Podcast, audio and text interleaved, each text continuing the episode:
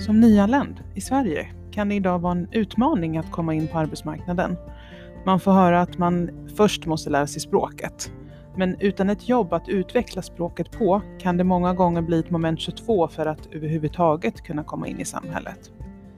När sju av tio jobb förmedlas via kontakter blir det därför viktigt att som nyanländ snabbt få hjälp med att etablera ett nätverk så att man ska kunna komma in i samhället och så småningom skaffa sig en försörjning. I det här avsnittet träffar jag därför Andrea Alenius. Hon är VD och medgrundare av det sociala företaget Jobba Entrén. Idén till företaget kom för fem år sedan i, sam i sam samband med flyktingströmmarna 2015. Och fokus för Jobbentrén är att skapa lyckade anställningar för nyanlända talanger.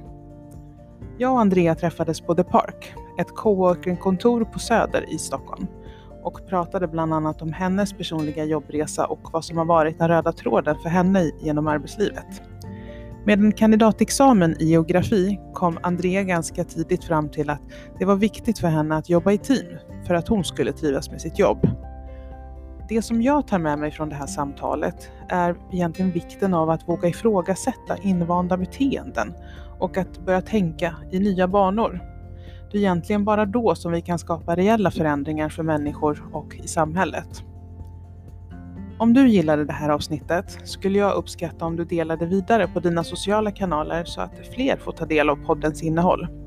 Min vision är nämligen att bidra till att fler får jobb genom att sprida goda exempel och framgångsrika metoder och hoppas därför att du som lyssnar vill vara med och uppfylla den visionen. Med det sagt så vill jag tacka för att du lyssnar och jag vill också rikta ett tack till The Park Södra för att vi fick spela in hos er. Och nu går vi över till avsnittet med Andrea. Hej och välkommen Andrea! Tack! Kul att du ville vara med. Ja. kul att prata i mun Ja men det är väldigt kul att vara här Ja. och jag är så impad av dig som gör det här. Ja, tack, tack. Jag är lite impad av mig själv faktiskt. måste Ja. För det är väldigt okänd mark där. Ja, ja det förstår jag. Men hur mår du? Ja men eh, jag mår eh, bra. Mm. Mm. Eh, idag, måndagar är en jobbdag för mig för jag eh, jobbar 50% och så är mamma till Albin på 50%. Mm. Eller det är på 100%, ja du fattar. Ja. Föräldraledig på sätt och vis. Föräldraledig Ja. 50%. ja. Ja. Hur funkar det då? Få det pusslet? Eh, ja, men, eh, Albin är bara inte ens ett halvår så att, eh, Mm. jag håller fortfarande på att lära mig Mm. ja, hur man gör det. Men eh, spontant så funkar det bra Mm. eh, att dela 50-50 på det som Mm. vi gör. Ja men vad spännande. av två världar. Ja, ja, men jag, jag kommer ihåg själv när jag blev mamma. Det, var så här, det tog nästan ett halvår innan jag kände att jag blev varm i kläderna. Liksom. Ja. Så man ska hitta rytmerna och, rutiner och allt sånt där. Liksom. ja, precis när man gör det så Mm. händer någonting nytt. Ja men precis. Man är aldrig klar kan jag tala om. Min dotter är sju år nu. Ja, just det. Kul. Det tar ett tag. Ja, skönt Ja. att veta. ja, nej men, det är väldigt kul att få, alltså du, jag eh, skulle inte vilja ha det på något annat sätt för att det är Nej. så roligt att få jobba med jobbentrén. Mm. Ja. Ja. Var, var det liksom suget att jobba med jobbentrén eller var det att eh, ni, skulle, liksom, ni hade kommit överens om att vi ska dela 50-50 eller hur, hur har ni resonerat där? Eh, ja men både och. Det Mm. känns som en eh, liksom, win för alla. Att så här, den som ska hänga med vårt barn är Mm. pigg och taggad på det och att man Mm. också får fortsätta jobba och ha liksom, ja, det Mm. som Mm. känns oerhört viktigt för oss båda. Eh, Men sen, alltså för mig, jobbentrén, det är ju ja, så här klyschigt men det är ju också en bebis. Ja just det. Ja, och jag brinner ju otroligt mycket för Mm. det vi gör. Mm. Så Ja, men det gör det ju lättare att, att kombinera verkligen. också. Mm. Mm. Men eh, jag har så här frågor som jag vill ställa till, till alla, Mm. liksom, eller vissa frågor som jag tänker att jag vill ställa till alla. Och en sån fråga är, vad betyder jobb för dig? ja, men, eh, alltså, känsla av sammanhang och att, eh, att, ja, men att man lägger sin tid på något som känns meningsfullt och viktigt. Mm. Eh, och att lära sig och utvecklas. Jag kom på det ganska tidigt så här, att eh, ja, men det som var viktigt för mig på jobbet är liksom att få jobba i team, Mm. att liksom jobba tillsammans med andra eh, och att det jag gör känns meningsfullt eh, och eh, att se tydliga resultat av det jag gör. Det är Mm. liksom de tre grejerna som är viktiga för mig på jobbet. Mm. Och det har jag fått i allt ifrån att jobba som kock till Mm. eh, ja, att vara VD på jobbentrén som jag är idag. Alltså, Mm. Så det finns en väldigt bredd i vad man kan jobba med. Men få alla de tre eh, grejerna, Mm. teamkänslan, att det känns meningsfullt och att, eh, eh, att se resultat av det jag gör. Liksom. Mm. Så ja, mycket de grejerna är, är jobb för mig. Men sen också på liksom mer så samhällsnivå så är ju jobb också, och det är Mm. därför vi driver jobbentrén, alltså jobbet är ju nyckeln till så otroligt mycket Mm. annat.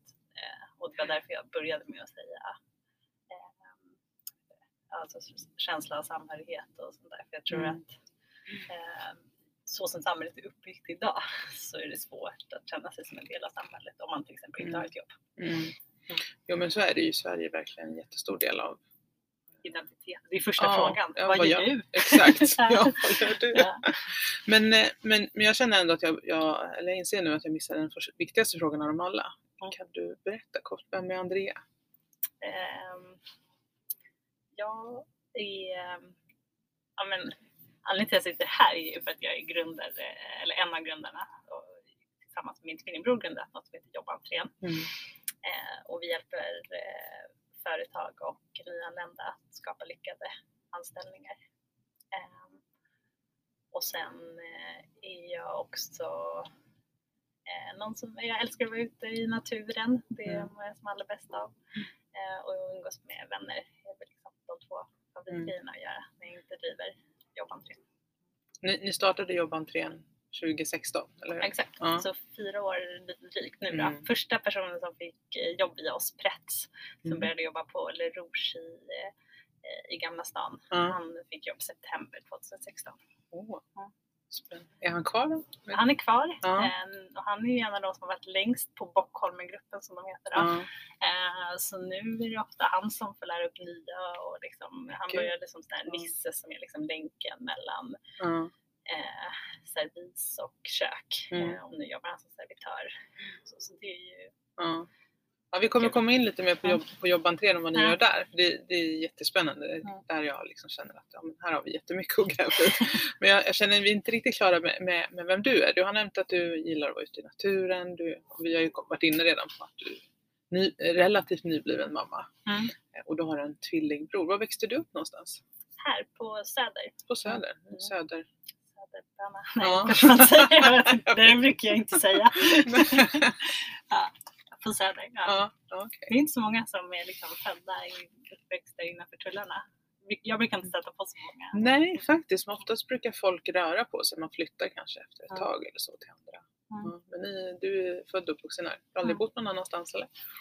Eh, när jag bott i Stockholm så har jag alltid bott på Söder. Mm. Men jag har bott på massa andra ställen i Mhm. världen. Berätta. Vad... Ja men eh, allt ifrån nordligaste Norge till Senegal och Vad- Hur kom det sig att ni åkte runt? Var det i barndomen eller? Ja, nej, det var i, eh, på eget bevåg. Okej. Ja, Ja. Genom studier och, och det här Mm. friluftsintresset. Det är mycket i nordligaste Norge. Och så. Mm, mm. Ja, spännande, intressant. Mm. Ja. Men du växte upp här, i, alltså du pluggat och sånt här i, i Stockholm liksom?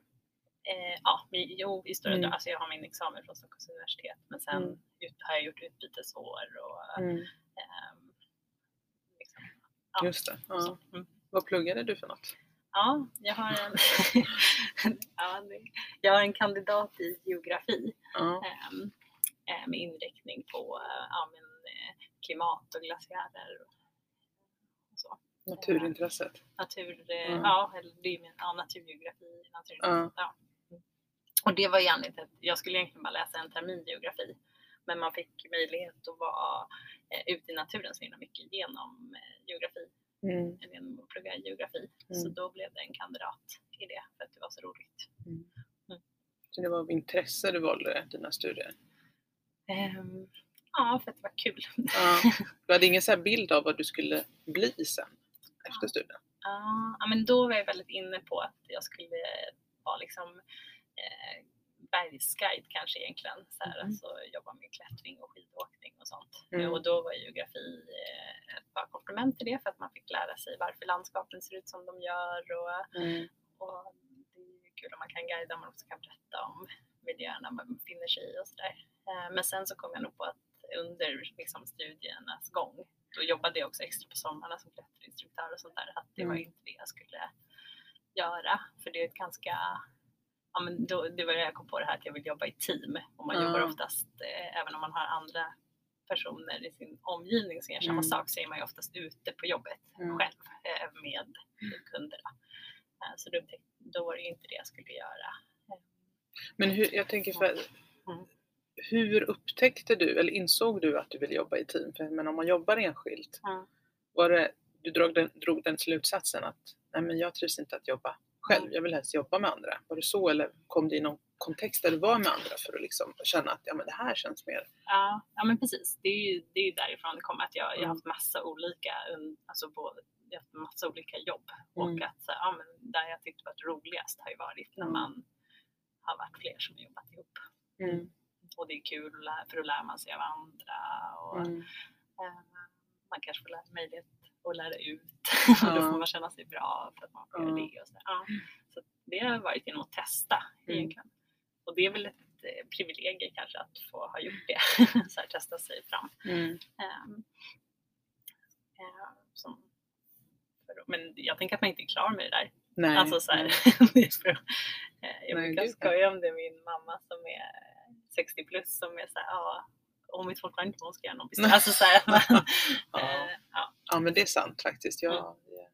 och det, det är väl lite, Mm. min förra poddgäst sa, sa det, jag tror, tror inte att du är ett fär- färdigt format. Just det, det var väldigt Ja, klokt. Och det, det säger ganska mycket att man, bara för att man har gjort ett, någonting ett visst tag betyder inte att man är låst till den, Nej. den rollen. Liksom. Nej, det tror jag är jätteviktigt. Och det tänker jag också är viktigt i, det är också en liksom, fråga som jag brinner lite för i det här med, eh, med jobbanträning. Vi hjälper ju då Mm. nyanlända att eh, komma in på arbetsmarknaden och då handlar det både om att liksom få arbetsgivare att Mm. eh, förstå att en person som kanske har en viss erfarenhet från sitt hemland inte, alltså Ja. nödvändigtvis, det kan bli lätt att säga nej men den här personen är överkvalificerad eller Mm. ehm, man ja, hade rätt in den personen i ett format. Ja. här, och även för den som är arbetssökande, alltså nyanlända arbetssökande att eh, tänka nytt kring eh, ja, men vilka, och det gäller inte bara nyanlända, det gäller ju vem som helst. Ja, ja, oh ja, oh ja. vad, ja, men som du gör nu, vad, Mm. ja. Ja. men jag kan också göra en, En en podd. ja. podd. Här. Ja, det kommer, Why not? ja, why not? Att liksom tänka, men vad har jag för eh, styrkor och eh, kompetenser och så här som Mm. jag kan använda fast helt andra format då, Mm. för att citera eller använda samma typ av Mm. språk som jag använde förra podden. Vad, vad var ditt allra första jobb? Ehm, jag tror att det var eh, att sälja liksom merch, alltså sånt på Globen på konserter. Mhm. Eh, allt ifrån t-shirtar till såna här Mm.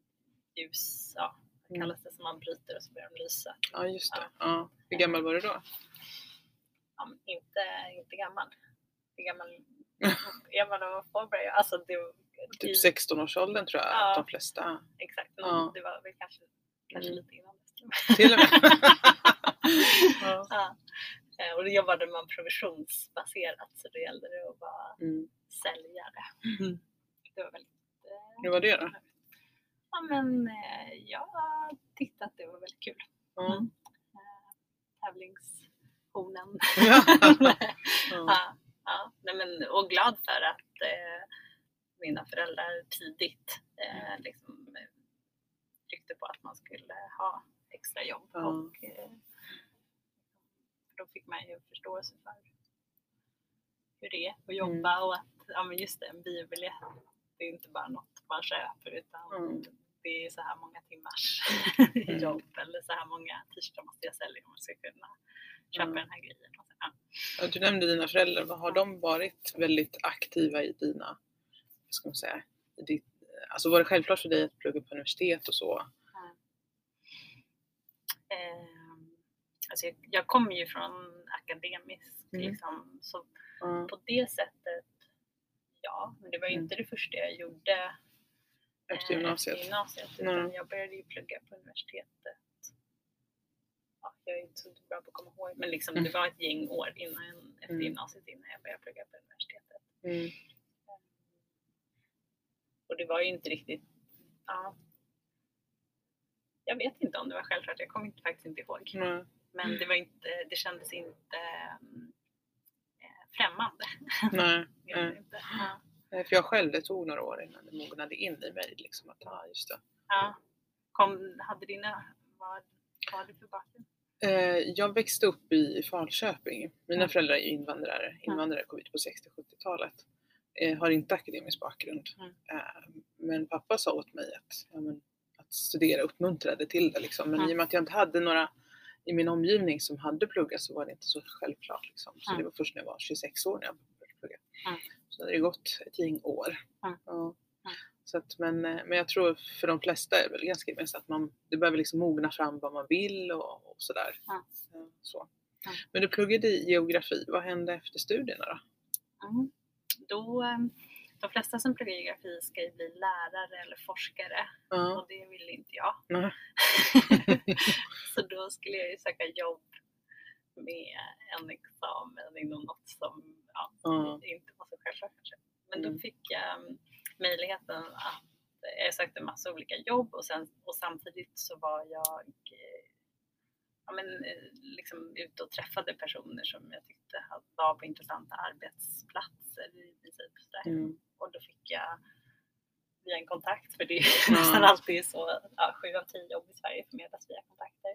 Ehm, eh, träffade jag eh, kommunikationschefer på två internationella biståndsorganisationer eh, och så fick jag komma in som assistent på den, alltså som kommunikationsassistent helt Mm. enkelt.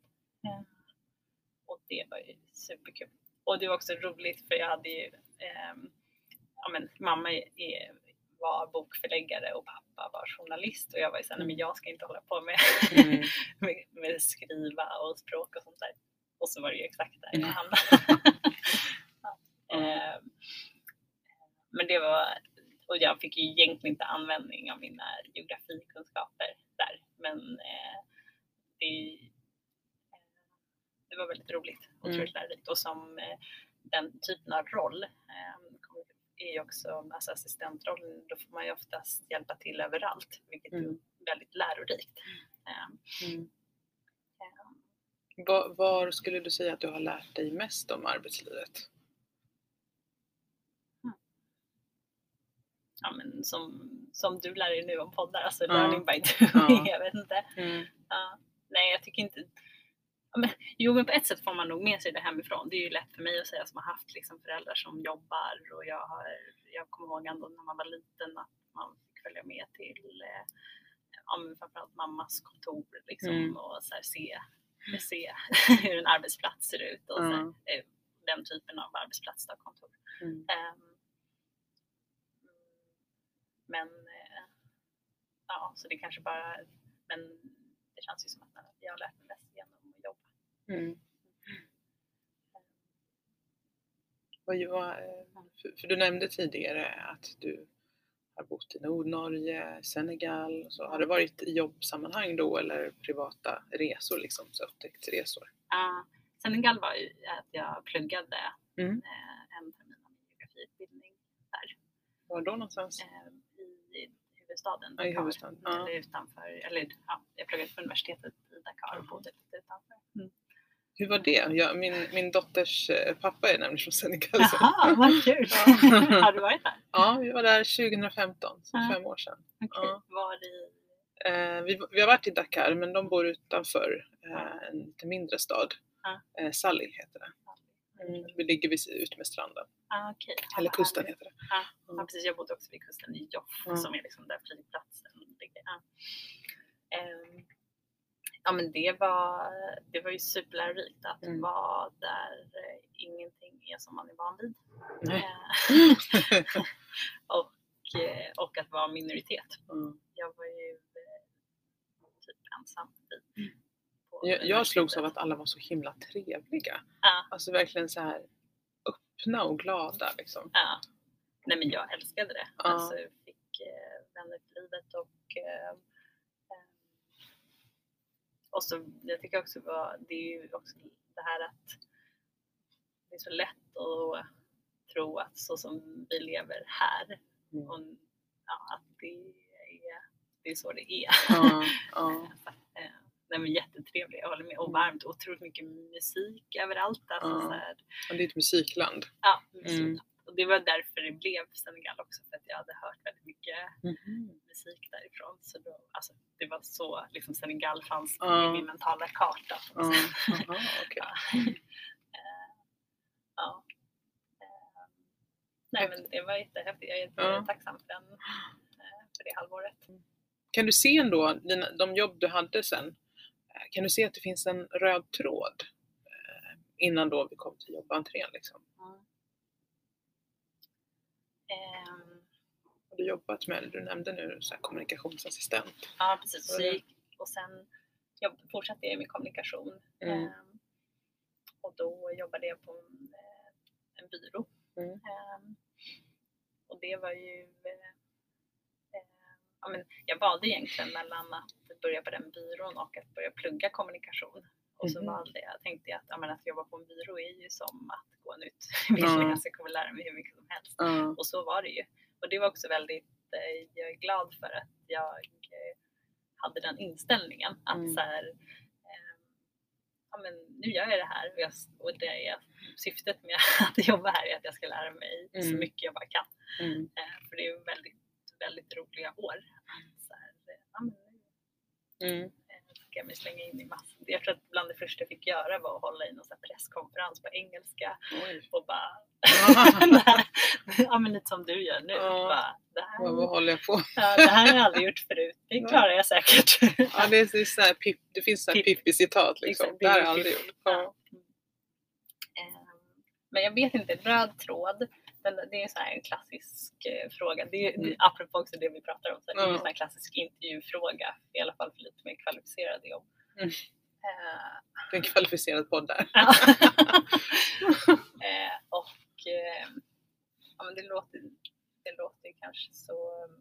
Men den röda tråden är att jag har försökt göra saker som jag tycker är roligt. Mm. Man lägger så otroligt mycket av sin tid på att jobba. Mm. Eh, och då ska i alla fall, allt är ju inte kul såklart, men stor del av det man gör Mm. kommer man göra bättre eh, om man tycker det är kul. Eh, Ja men det tror jag är jätteviktigt annars så jag fungerar definitivt så. Mm. Det måste vara givande på något sätt. Eh, Man kan inte, eller jag kan inte göra någonting som jag inte tycker är givande. Nej. Sen om man tycker givande ska vara kul eller givande ska vara liksom att det ger någonting för, för någon. Men, Mm. ja. Ja, eller helst och kanske. Ja. Och, och det kan ju också vara kul för att man lär sig mycket eller Mm. för att man ja, men, får göra en massa grejer man inte har Mm. gjort. Mm. Ja.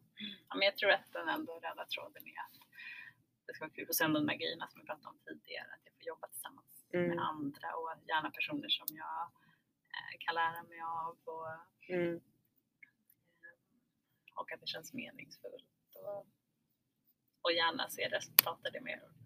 Ja, Och det var ju också när jag jobbade där som ehm, eh, konsult på en byrå. Då jobbade vi bland annat med arbetsmarknadsfrågor men på eh, liksom lobbying och Okej. hög, liksom mer ja, här uppe. Nu sitter Ja. jag och viftar i luften. Men, ja, eh, och, och hoppades att det man gjorde skulle skapa en faktisk skillnad på arbetsmarknaden. Mm. Eh, så därför tycker jag att det är otroligt men, Mm. kul nu att få mer, ja, men vara mer på eh, Ja, jag vet inte vad man ska kalla det, Ja. gräsrotsnivå, men liksom Ja. faktiskt se personer stå långt från arbetsmarknaden, sina Mm. första jobb och vad det gör för dem, men också för deras familjer. Och, ehm, Hur, hur funkar den lobbyverksamheten då? hur det var då. Ja, nej, alltså, vad- gör man för, alltså, hur, hur går det Ja. till liksom? Ja, För oss som inte kan. ja, just det. Vad är lobbying? Ja, lobbying vet jag. ja. Man ska försöka påverka politiska Ja men beslutsfattare. precis. Ja, men det Mm. kunde ju till exempel vara eh, uppdrag för eh, något företag eh, som jobbar med arbetsmarknad där man säger så "Ja, men det här är våra förslag på hur man ska skapa en Mm. bättre arbetsmarknad. Mm. Eh, och, sen, och, och, så skriver man den här rapporten och, sen så försöker man få till möten med politiker för att presentera det och kanske förslag på åtgärder. Mm. Eh, eh, och, ja, och kanske också så här att göra, liksom, man gör, kanske gör så insatser för att liksom, uppmärksamma en fråga. Alltså, till exempel åka till Alm, vi var i Almedalen och Mm. eh, gjorde radioprogram på lätt svenska. För Mm. att i Almedalen så det är meningen att det ska vara för alla men det är det Mm. inte. Nej, och det- så, ja, så ja, du är rätt brett så och jag vet inte Mm. om jag ska Mm. det är svårt, liksom, man, jag vet inte om man får prata med om specifika Mm. kunduppdrag man hade. Nej, men det, jag tror att det, det är, en, Mm. det är en, en, en bransch, det här med lobbybranschen, det är en Ja. bransch som väldigt få känner vet om, till. ja, känner till liksom, och hur det fungerar och hur mycket Mm. man kan få igenom den vägen. Liksom. Mm. Det, Men vi gör ju det lite grann nu också i Mm. liksom, som jobbentrén och där, där handlar det kanske mer om att, för det som är unikt med oss där är att vi ger stöd till eh, både arbetsgivare och arbetstagare Mm. när det väl har blivit en matchning så att det är liksom vänt lite istället för ja, eh, stöd och sen matchning så är det liksom matchning och sen stöd. Mm. Eh, och, ehm, så vi följer upp liksom för att se till att anställningar blir lyckade helt enkelt. Och där är ju något som vi försöker få politiker och sånt att öppna ögonen för. Jaha, så kan man Mm. också mm, jobba. För att annars finns det en stor risk att folk slussas tillbaks i arbetslöshet. Ehm, och, och, och där handlar lobbyingarbetet, om man ska kalla det, Mm. det mer om att eh, bara berätta om vad vi gör mm, helt enkelt och visa upp lyckade mm. exempel. Jag tänker, om, vi, om, vi, om vi tittar på hur kom ni på jobbentrén och hur startade det? Vad- Jag vet att du och din bror startade tillsammans. Ja. Var, vi startade ju då hösten 2016 Mm. och, men idén började ju komma redan, ja men det var ju hösten 2015 när vi hade Mm. de stora flyktingströmmarna och vi kände att eh, vi måste, eh, eller vi ville göra någonting helt Mm. enkelt. Och ganska snabbt landade vi att det vi skulle göra skulle handla om jobb. Eh, Mm. för att när vi satte oss in i integrationsfrågan så dels kunde man, ja men dels är det ju det här som vi nämnde tidigare att sju av tio jobb i Sverige förmedlas genom kontakter. Och är Mm. man ny i Sverige då har man ju oftast få eller inga kontakter. Ja. Vilket är väldigt dåligt för den som eh, inte har några kontakter. Men det är också Mm. dåligt för alla arbetsgivare. För hur når vi personer som inte har något nätverk? Mm. Ja. Och, så det var liksom en, ett samhällsproblem, det här att det är svårt att få ett jobb för att man inte har några kontakter. Så det vill vi vara en lösning på. Men sen så såg vi också att då, de som ändå lyckades få ett jobb, eh, eh, över 70 procent av dem var arbetslösa igen efter Mm. tre månader. Mm. Så då har de lyckats få ett jobb. Mm. Wow, fantastiskt, så himla bra jobbat. Och Mm. sen så lyckas man inte behålla det. Mm. Och det var då vi kom på det här att vi inte bara ska eh, liksom se till Mm. att eh, hjälpa företag att anställa utan också att behålla och utveckla. eh, Ja, för det är det jag tycker är så spännande med just det. För jag, jag har inte hittat särskilt många aktörer som jobbar med, på det sättet. För när jag jobbade på Arbetsförmedlingen så, så gjorde man ju eh, under förnyelse, inför förny, förnyelseresan så jobbade man med vad man kallar för kundresor Mm. för att liksom ta reda på vad, vad kunderna behöver. Och någonting som framgick med just arbetsgivare var det här att när vi väl har anställt någon från er, Mm. eh, det vill säga från Arbetsförmedlingen med någon form av subvention då eftersom det var det det var vanligaste, ehm, så släpper ni, alltså Mm. Arbetsförmedlingen. Och det är ingen som liksom följer upp eller har kontakt med oss längre. Vi vill ha mer kontakt, vi vill ha stöd Mm. under vägen. Ja, Och det, och det är det ni jobbar med. Ja. Och det är det jag tycker är så intressant Mm. att höra mer om. Mm. För, för jag vet att det är det som, alltså när man anställer någon som är ny i Sverige, då, då finns det mycket, man behöver ju stöd under resans gång. Men som Mm. arbetsgivare så kanske man inte har tid eller möjlighet att ge det stödet utan Mm. man vill att man ska vara verksam i. Men skulle du Mm. kunna beskriva själva processen då? Först då, hur, hur, eh, hur hittar ni de här sökande? För att ni är ju inget, inget stöd och matchningsföretag utan Nej. ni jobbar ju bara med rekrytering Mm. kan man säga. Mm, precis, Eh, vi är väl socialt rekryteringsföretag Ja, och exakt. utbildningsföretag. Ja, hur gör ni för att komma i kontakt med folk? Ja, Eh, ja, men vi jobbar uppsökande. Ja. Så vi, inte just nu då i coronatider, men i vanliga fall så är vi ute i alla sammanhang där nyanlända befinner sig.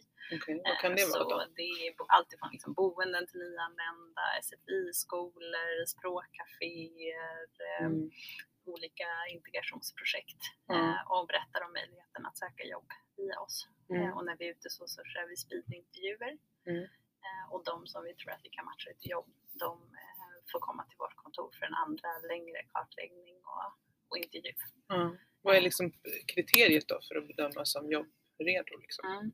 Vi gör bara intervjuer utan tolk så man måste liksom kunna göra sig förstådd på svenska eller engelska. Mm. Och med det sagt så kan eh, bristande språkkunskaper ibland kompenseras med fantastiskt kroppsspråk och liksom en Mm. vilja att kommunicera. Ehm, det finns personer som har fått jobb i oss som har väldigt svag svenska, men också Mm. personer som pratar typ flytande svenska och massa andra språk också. Utrikesfödda är ju den gruppen som har unga och utrikesfödda är Mm. de grupperna som har ökat mest i eh, pandemins spår, arbetslösheten Precis. bland dem. Ja.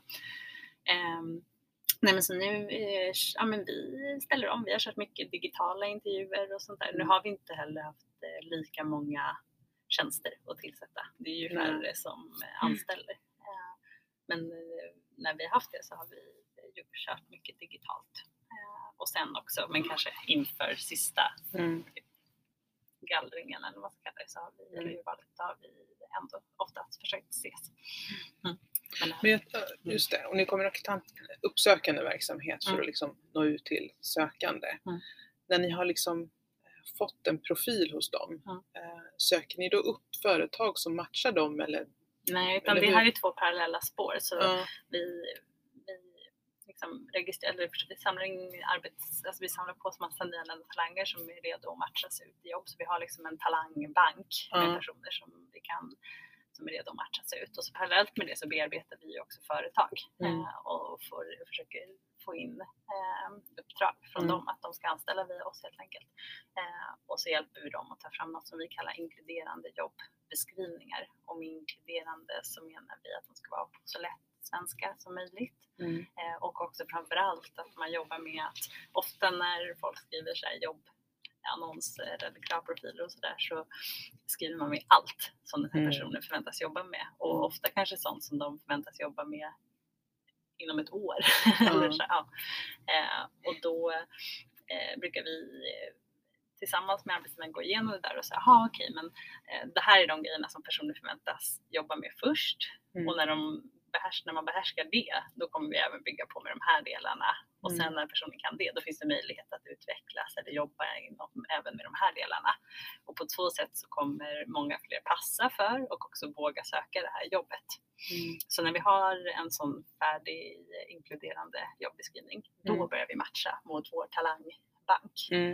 Ehm, och, och då är det vi som, eh, då kör vi ytterligare intervjuer mot den här inkluderande jobbeskrivningen. Lever, de upp, lever kandidaterna upp till de kraven som företaget har vad gäller till exempel språk eller tidigare erfarenhet? Och tror vi att de kommer passa eh, för just det här företaget och så vidare. Så då intervjuar, de, intervjuar vi dem i ytterligare steg och tar referenser om det finns och kanske gör case ibland beroende på vad det är för Mm. typ av eh, eh, jobb. Men när Eh, du och- säger, Mm. ursäkta, när Mm. du säger så här, ta referenser, men om- om man är nyanländ och det här kanske är deras potentiellt första jobb, Mm. hur funkar det?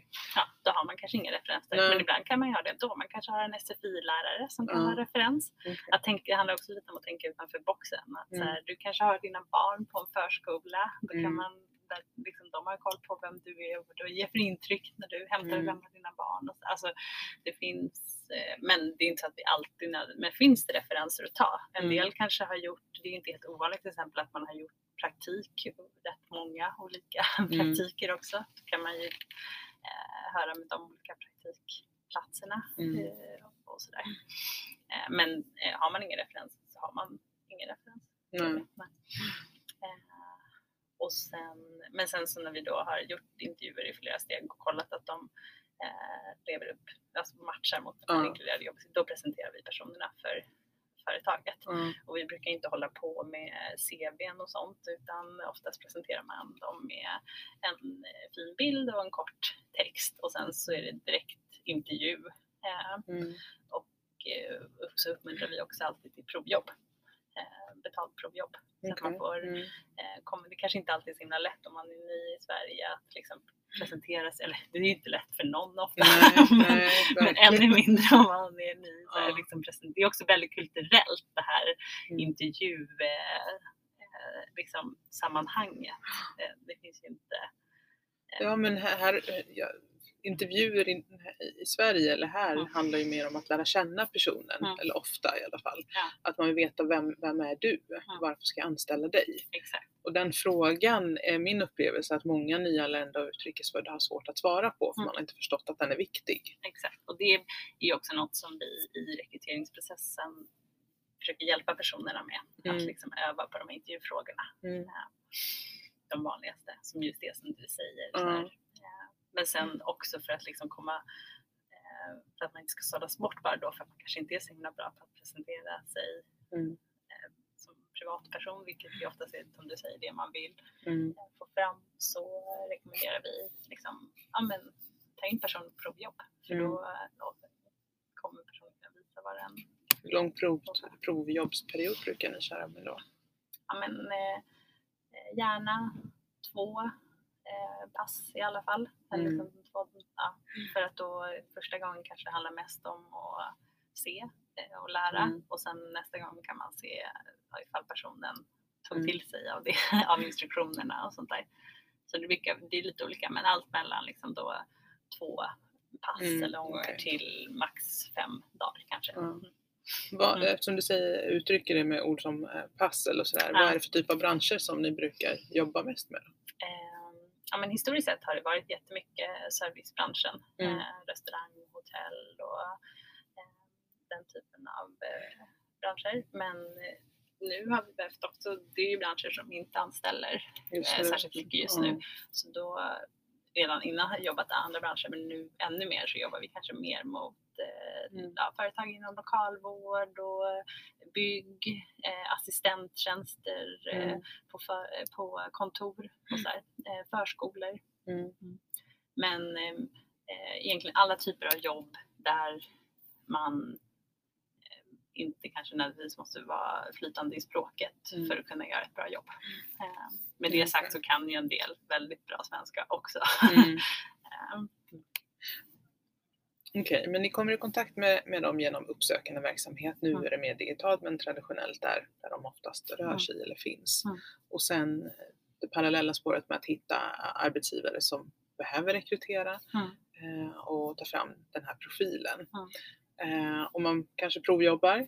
Eh, vad händer sen? För att eh, det jag vet är ju att ni använder utav nystartsjobb.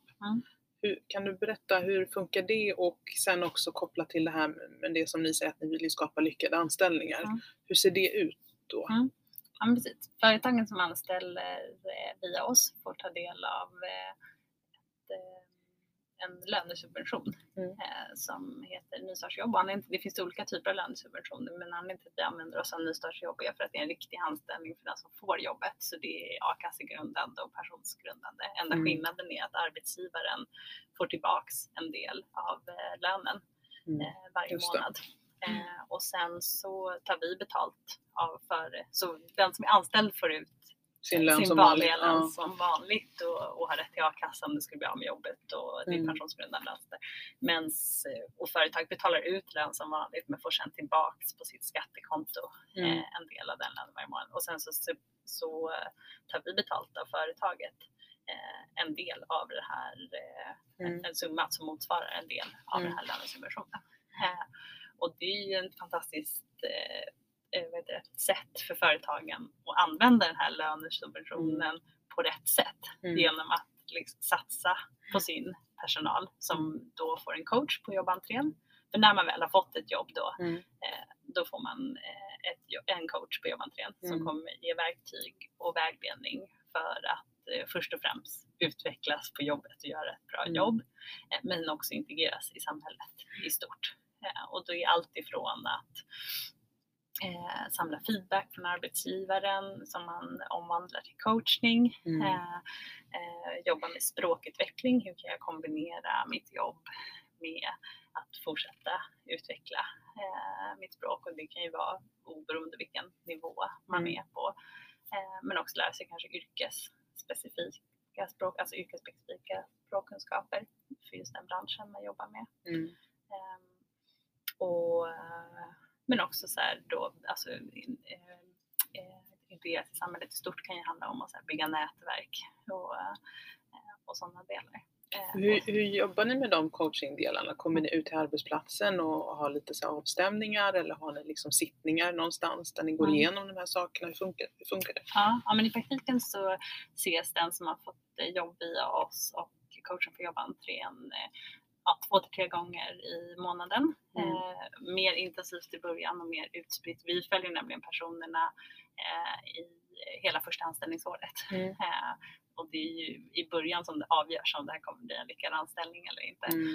Ehm, Så i början så ses coachen på jobbantrén och den som har fått jobb i oss eh, ja, men minst två till tre gånger i månaden. Sen kanske det blir lite mer utspritt. Mm. Eh, och, och i samband med det så har också coachen liksom kontakt med eh, arbetsgivaren eller den som är handledare då på arbetsplatsen Mm. eh, för att samla feedback. Så här, hur går det? Vad Mm. gör den här personen bra? Vilka grejer skulle man behöva göra, bli bättre på för att göra ett bra jobb och så vidare. Så att man direkt fångar upp allting. Och det kan vara allt ifrån faktiska arbetsuppgifter Mm. eh, och det är självklart att arbetsgivaren ska ge den här feedbacken också. Men Mm. ibland kan det vara väldigt bra när det också kommer från Mm. en tredje part och att när vi, när coachen och den här personen ses så har man liksom tid att sitta ner. Och det är ofta så att den här personen kommer till vårt Mm. eh, kontor. Mm. Ehm, att man liksom har tid att faktiskt gå igenom. Och det kan vara allt ifrån faktiska arbetsuppgifter men också då eh, ja, men, skulle behöva bli eh, mer social. Alltså, så, här, då kan vi ge övningar. Ja, men du måste fråga minst Mm. tre kollegor varje fredag vad de ska göra i helgen.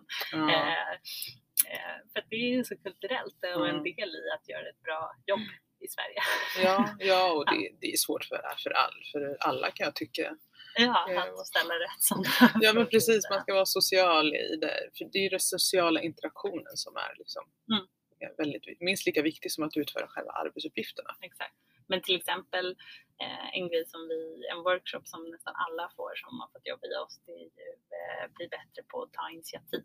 Mm. Eh, och det kan ju också handla väldigt mycket om att ge arbetsgivaren verktyg. Att det kanske till exempel inte finns checklister för ja, men du ska Mm. göra det här och när du har gjort det ska du göra det här och när du har Mm. gjort det och det då ska du fråga om någon behöver hjälp med någonting. Mm.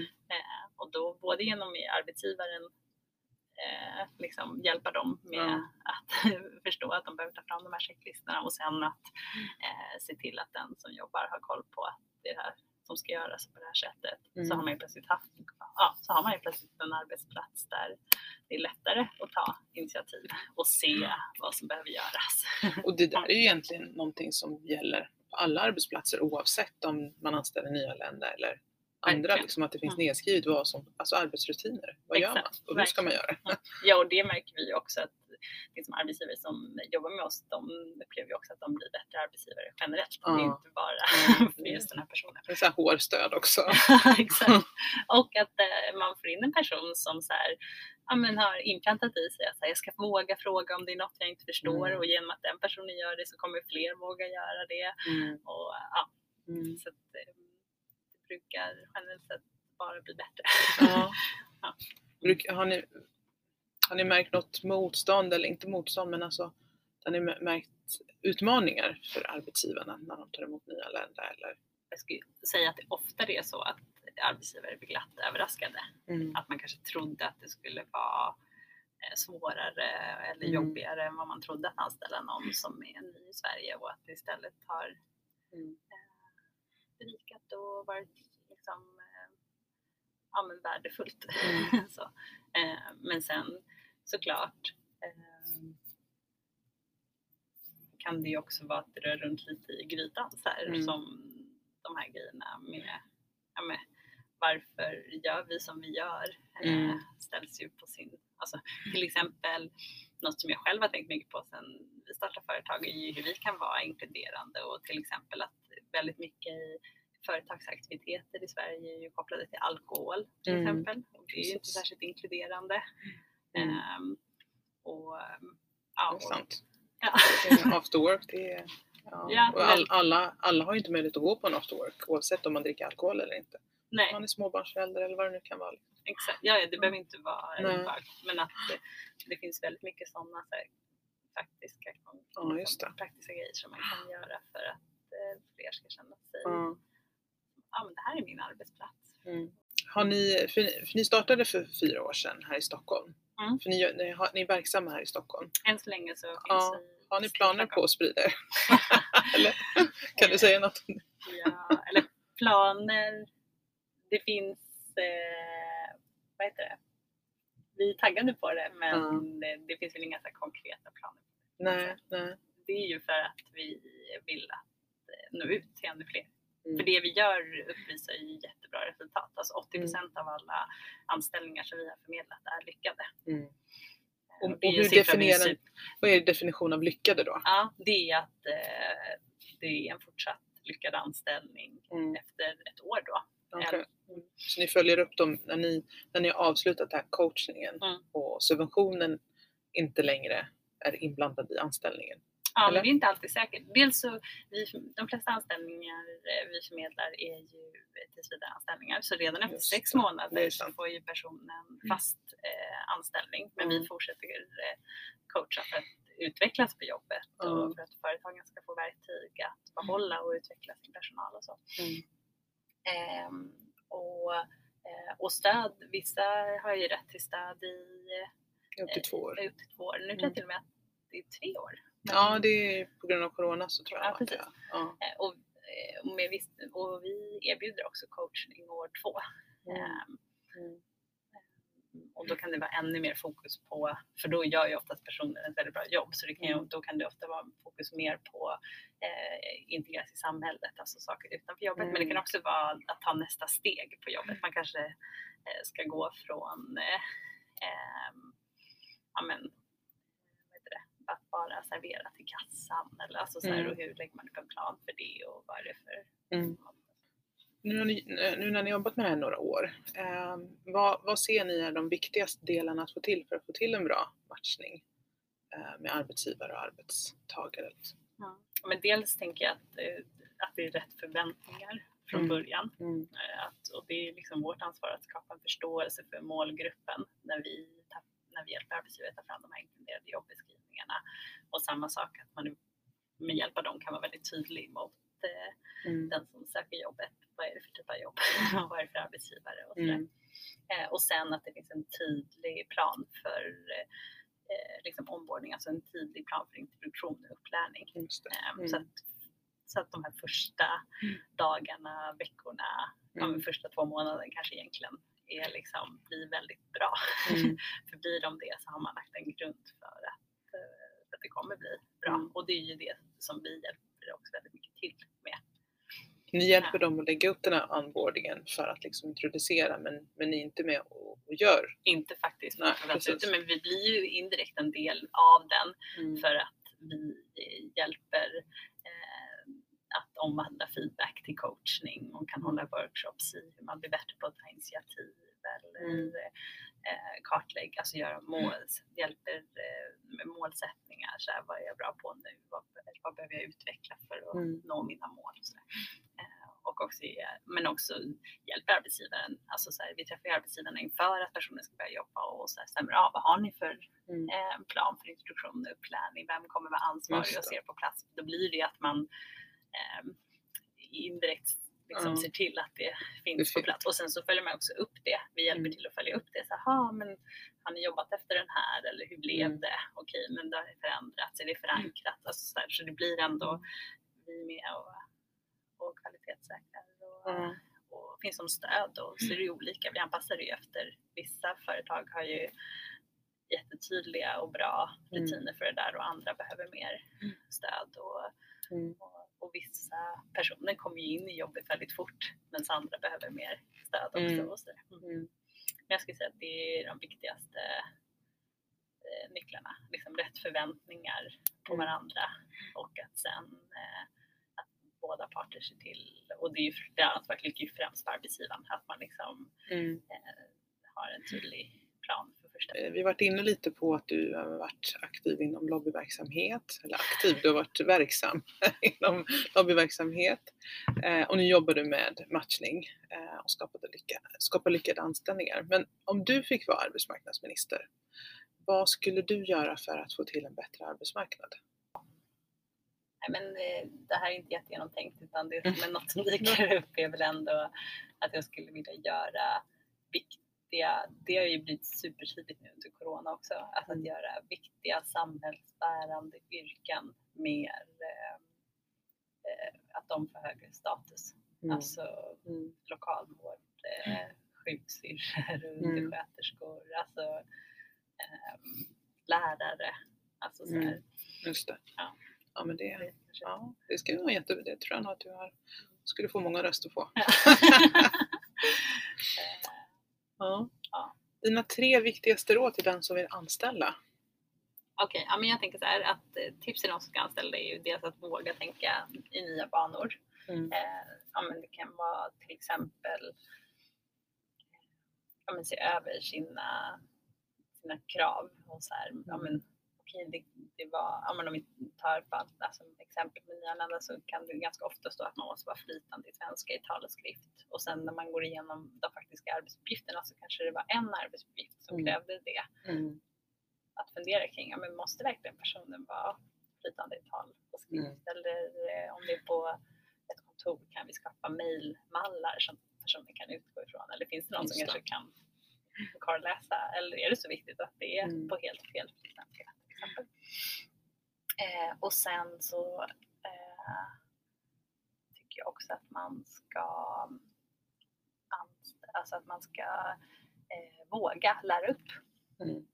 Eh, för genom att eh, göra det så tror jag att man får personal som vill stanna och vill fortsätta utvecklas. De Mm. känner att man har blivit satsad på.